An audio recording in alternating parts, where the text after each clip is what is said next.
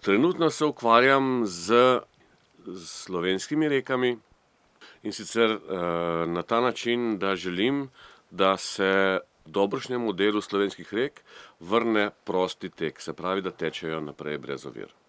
Da reke tečejo brez ovir, pa je pomembno zaradi tega, ker ovire na rekah eh, preprečujejo eh, organizmom, ki živijo v vodi, prosto popotovanje gorvodno in s tem zmanjšuje možnost razmnoževanja in povečuje možnost eh, tako imenovanega razmnoževanja v sorodstvu, kar pa seveda tudi ni dobro.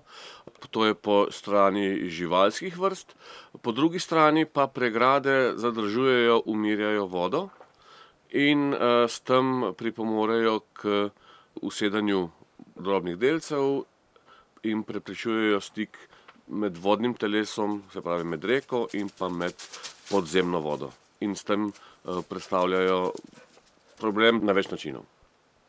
Iz daljave slišim glas.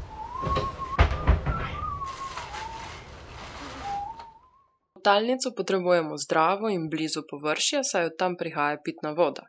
Tudi zato, ker ta napaja naše kmetijske površine. Kako smo potem prišli do tega stanja, da prekinjamo pogovor reke z njenimi bregovi, da med njo postavljamo beton? V bistvu je voda tako kot kri za nas. Ne. Je rek Sava za posavje. In ta kri v našem telesu rabi žile. In to je pri reki obrežje in priobalni pas. In vsi si želimo, da naše žile da so cele, da kri ne gre ven, torej da kri ostane v žilah, ampak hkrati, da snovi iz žile lahko grejo v okolico, v tkiva, v celice in da snovi iz celic prihajajo v, v kri. In to je isto z, z reko. Voda iz reke mora imeti dostop v priobalna obrežja, tudi s poplavami, ali pa tudi sicer. Ne, ne smemo. In seveda tudi iz, iz tega priobalne podtalnice prihajajo snovi v, v reko. In zdaj, če mi to, to, to, tole našo savo zdaj zabetoniramo, ukalupimo, je isto kot žila z holesterolom. Tega si pa manj človek ne želi. Ja, pa tudi za naravo ni tole koristno, ker je čist enoznačno. Ne. Enak pomen ima to kot žila.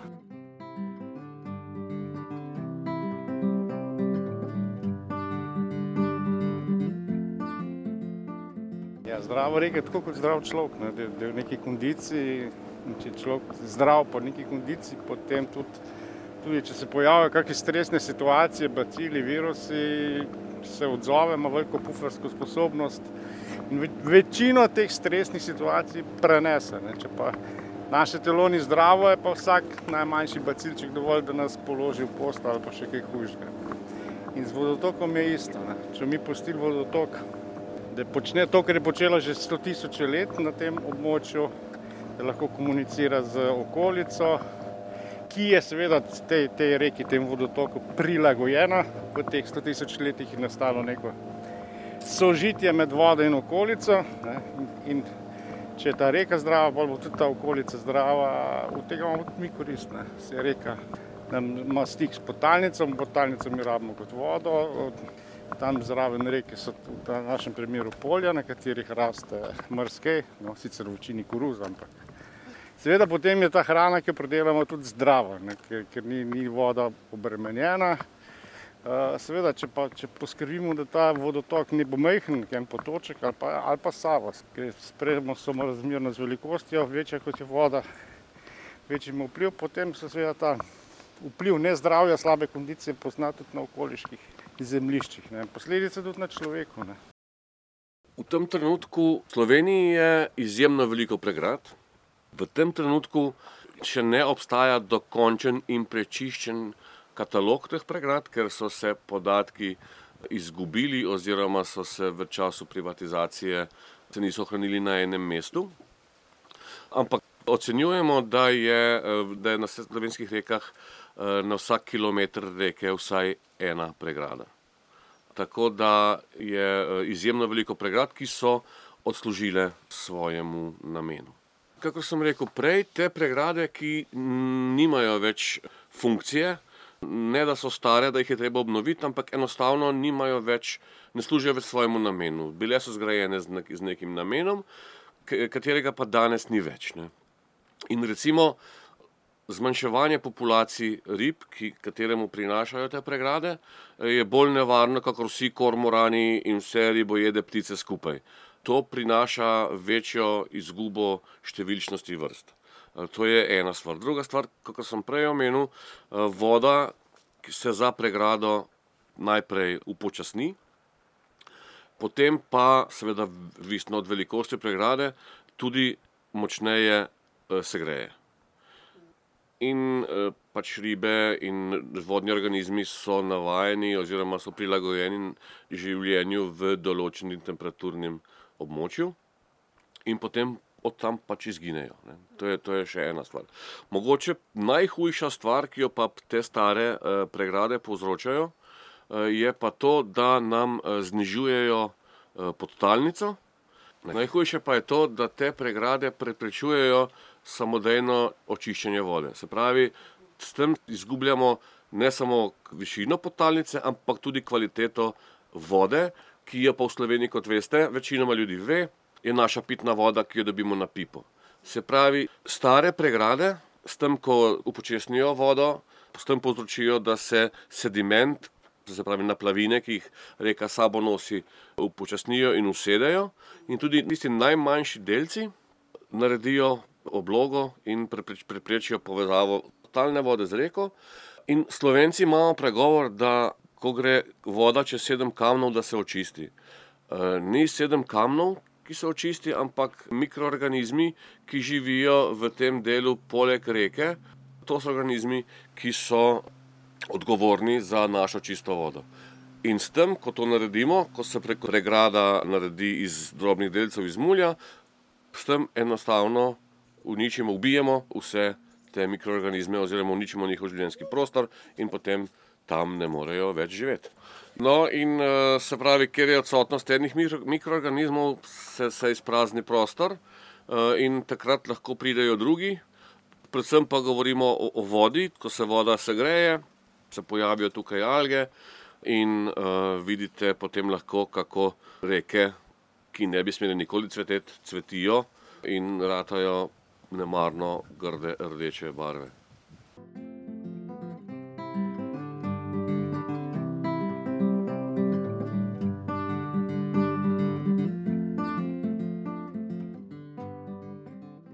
Te pregrade, ki so zdaj odslužile, so bile prvič namenjene umirjanju vode, recimo.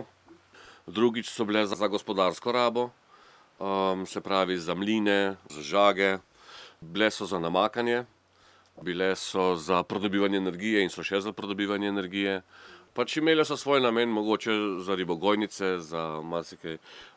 in tiste, ki so že odslužile in delajo veliko nevarnost, je treba odstraniti. Če se izrazim najbolj preprosto, kar smo naredili, pa ne rabimo več oziroma nam ni več dobro, dajmo vsaj to pospraviti za sabo. Ne rabimo več, umaknemo. Tudi ko gradimo hišo, potem ko je enkrat končana, umaknemo vse okrog. Naj bo tisto, kar naj ne ostane in se pospravi, no, tako. Reke so v preteklih dvestotih letih skoraj povsod po Evropi začeli regulirati. Regulacija nekako pomeni to, da so naredili tako, kot človeku paše, in ne kakor je naravno, spontano. Da so reki prepovedali vijuganje, jo zabetonirali v kanal hitre vode. Da so odstranili vegetacijo, saj ta zavzema prostor. Ljudje niso želeli nepredvidljivosti poplav ali pa poplav nasploh. In verjeli so, da regulacija prinaša rešitev za to. Reki so se želeli preveč približati, si jo podrediti ter predvsem jo izkoristiti. Želeli so jo zgolj zase, zato so otežili življenje drugim vrstam, jim uničili domove, habitate. Reke so začeli uporabljati kot odtok in popolnoma spremenili rečne ekosisteme. Takrat človek ni vedel, da poplave prinašajo hranila, rodno zemlji, da so močvirja ključnega pomena za ohranjanje zdravega okolja, pitne vode. Da vegetacija črpa vse odvečne snovi, ki lahko škodujejo nam ali drugim prehranjevalni verigi. Da spreminjanje reke v kanal pomeni suša nekega daljnega leta, ko bodo potomci žejni ali lačni. Malo je človek vedel, da bodo nekega dne reke pokazale zobe.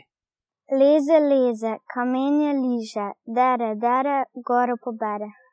Nestanovitno vreme, vročinski val, pomankanje padavin. Tudi Sloveniji grozita huda suša in pomankanje vode. Vsa država ima padavinski primankljaj, opozarjajo hidrologi. Širša okolica Ljubljane so si noči zajela neurja, sunki vetra in močnimi nalivi. Poplavljenih je bilo več cest, zalite so številne kleti. Vročinske nevihte so v poletnih dneh stalnica, so kratke in krajevno omejene, zato ne prinašajo olajšanja za sušna območja. Seveda ne moramo se zauzemati, da zdaj umaknemo pravzaprav čisto vse pregrade. Ne. Nekatere pregrade so potrebne. Nekatere pregrade resnično prispevajo bodi si k energetiki, bodi si k zmanjševanju poplav, ampak obstajajo načini, kako se take pregrade zgradi, se naredi tako, da so prehodne za vodne organizme. Sicer je ta rešitev navadno dražja, ampak če gledamo na to, da je, da si s tem zagotavljamo kvalitetno pitno vodo, da si s tem zagotavljamo večjo poplavno varnost, da si s tem zagotavljamo boljše življenjsko okolje, je to majhna cena, ki jo moramo plačati. Ker to je račun, ki nam ga bo narava izstavila, če ne danes, pa čez petdeset let. tudi te stare pregrade, ki so bile grajene, o katerih sem govoril, da jih je treba pospraviti, so bile grajene s tehnologijo, ki ima omejen rok trajanja. Nobena hiša ne stoji večno, noben, nobena cesta ni za večno, recimo te pregrade predstavljajo tudi izjemno veliko, nevarnost za poplave. Takrat, ko je velika voda, in še nekaj moramo imeti v glavi, da so bile te te pregrade grajene za, za količino vode pred petdesetimi, sto leti. danes imamo količine vode, ki so višje, se pravi stoletne vode so postale kar vsako drugo leto in niso bile narejene oziroma načrtovane za tako velike, tako ekstremne količine voda, ne. Se pravi, predstavljajo nevarnost za imovino in življenje ljudi dolvodno. Tudi zaradi tega jih je treba spraviti. Seveda so take stvari za vodo upočasniti, obstajajo tudi druge metode, in veseli me, da, da se s tem tudi v Sloveniji, raziskujemo te stvari in da bomo lahko kmalu, postregli s slovenskim znanjem o tem, recimo, da se vodo, da se energija vodo razbije z vlaganjem velikih skal, balvanov v vodo, s tem, da med, med skalami ribe in raki in vse ostalo, školjke lahko pač potujejo nemoteno.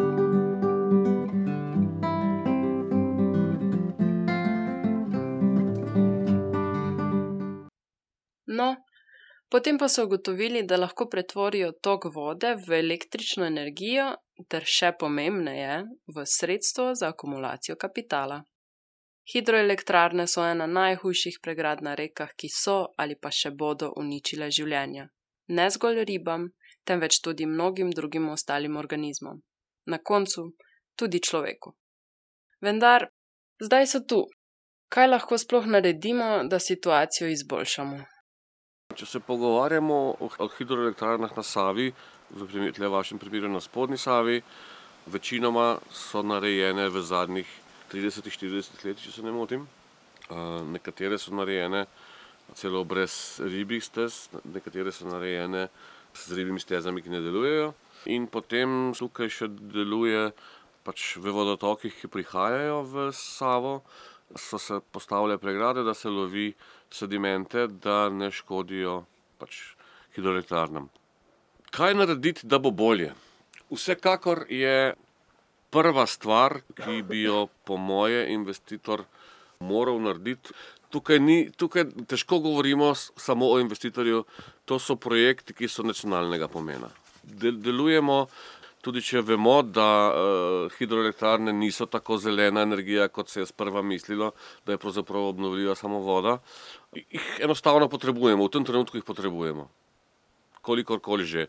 Ne rabim, ne govorim, da potrebujemo nove, mislim, da jih ne potrebujemo novih, ampak vsekakor, kar se tega tiče, je to nacionalni interes in, in država se mora odločiti, da bo v skladu s svojimi, svojimi načrti in z zakoni in s konvencijami in obljubami, ki jih je, ki jih je dala in podpisala, delovala in zagotovila vsem nam energijo na tak način, da bo trajnostna, da se pravi, da bodo imeli od tega, od reke Save tudi še naši zanamci, no seveda od pritokov.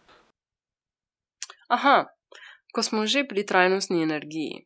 Zadnjih nekaj let smo priča večjemu poročanju o podnebni krizi in prehod v nizkooglično družbo je postal cilj vsake vlade, celo človeka.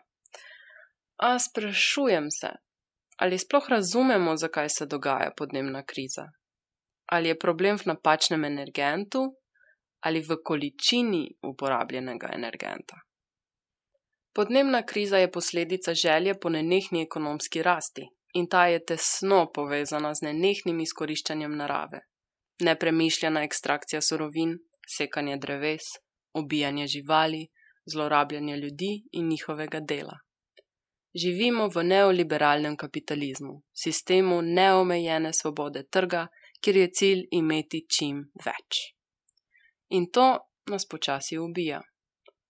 Zakaj se potem birokrati v Evropski uniji, kot tudi v Sloveniji, pretvarjajo, da je problem zgolj v energentu, ki ga uporabljamo? Težava je večja, je v pretirani proizvodnji, posledično porabi. Najbolj zelena energija je torej tista, ki je ne porabimo.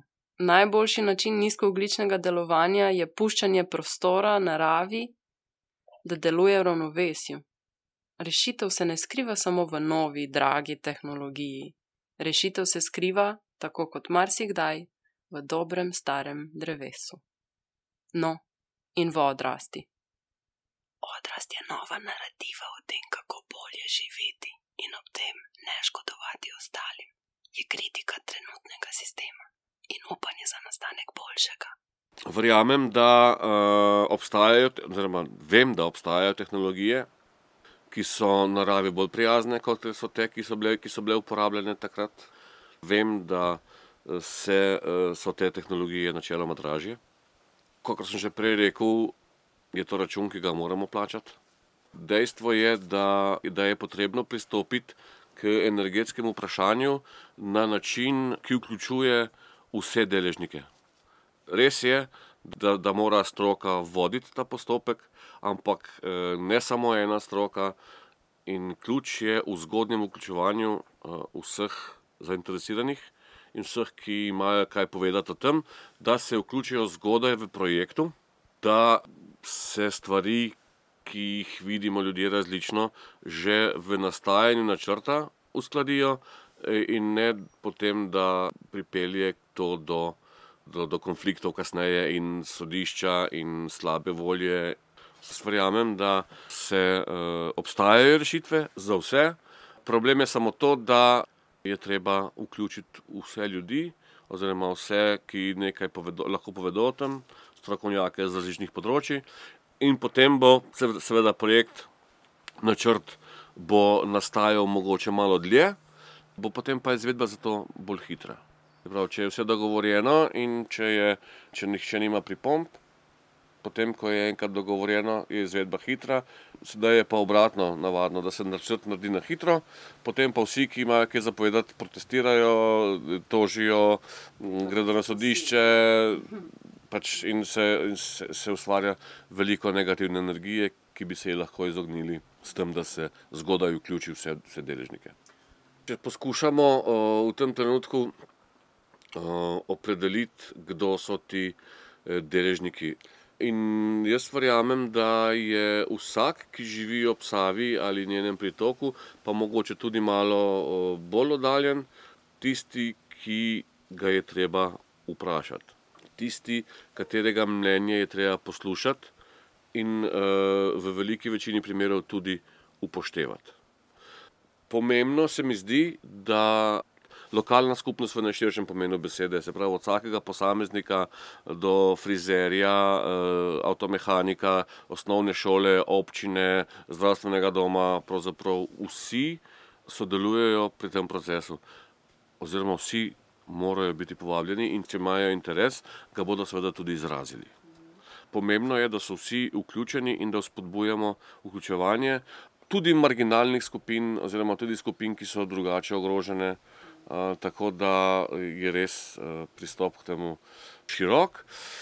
In pa da z vsem upravljanjem potem, ki ga, ki je recimo, da sodelujejo tudi interesne skupine. Ne govorim sedaj, da morajo priti uh, uh, otroci iz vrtca in upravljati hidroelektrarno, ne. Definitivno ne, zato imamo, zato imamo strokovnjake, ne. vendar pa se lahko za te otroke, lokalne otroke seveda, uh, poskrbi na ta način, da se jim omogoči, da se pridejo uh, izobraziti o pomembnosti reke, kaj nam reka nudi, kakšno je življenje ob reki. Vsi smo otroci iz reke. In voda je pravzaprav najbolj pomemben element na svetu.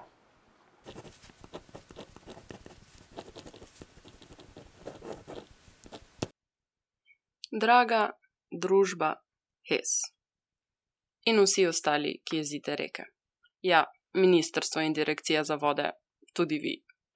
Že danes se lahko odločite narediti nekaj dobrega, koristnega in racionalnega za vso naravo lahko prenehate z norimi idejami o gradnji novih hidroelektrarn in regulaciji vodotokov. Te ideje so zastarele in nič zelene, ne glede na to, koliko hashtagov zeleno objavite na Instagram. Že res, da direktno ne spuščate toplogrednih plinov v zrak, a posredno jih. Kaj mislite, da se zgodi, ko reka obstoji in v njej ni več kisika? Ob gnitju vsega umrlega v njej se sprošča metan. In kaj mislite, da se zgodi, ko vse pobetonirate in uničite ekosisteme? Nastalo neravnovesje naravi oduzame sposobnost črpanja odvečnih hranil in ja, famoznega CO2 -ja iz ozračja. In vse ta eksces na koncu čutimo tudi ljudje na svoji koži. Prihodnost je v podiranju starih in odsluženih pregrad. Prihodnost je v revitalizaciji rek. Hes, Zdaj pa zares, vaš logo lahko daste tudi na kakšen odstranjen jez, ne zgolj športni dres. Pa tudi za dostojne in kvalitetne nadomestne habitate morate poskrbeti in jih po celotni verigi akumulaciji tudi povezati. Ključno je nekaj narediti dobro in kakovostno, ne pa šlampasto, samo za kljukico v gradbenem dovoljenju. Spodaj, podpisani prihodnje generacije.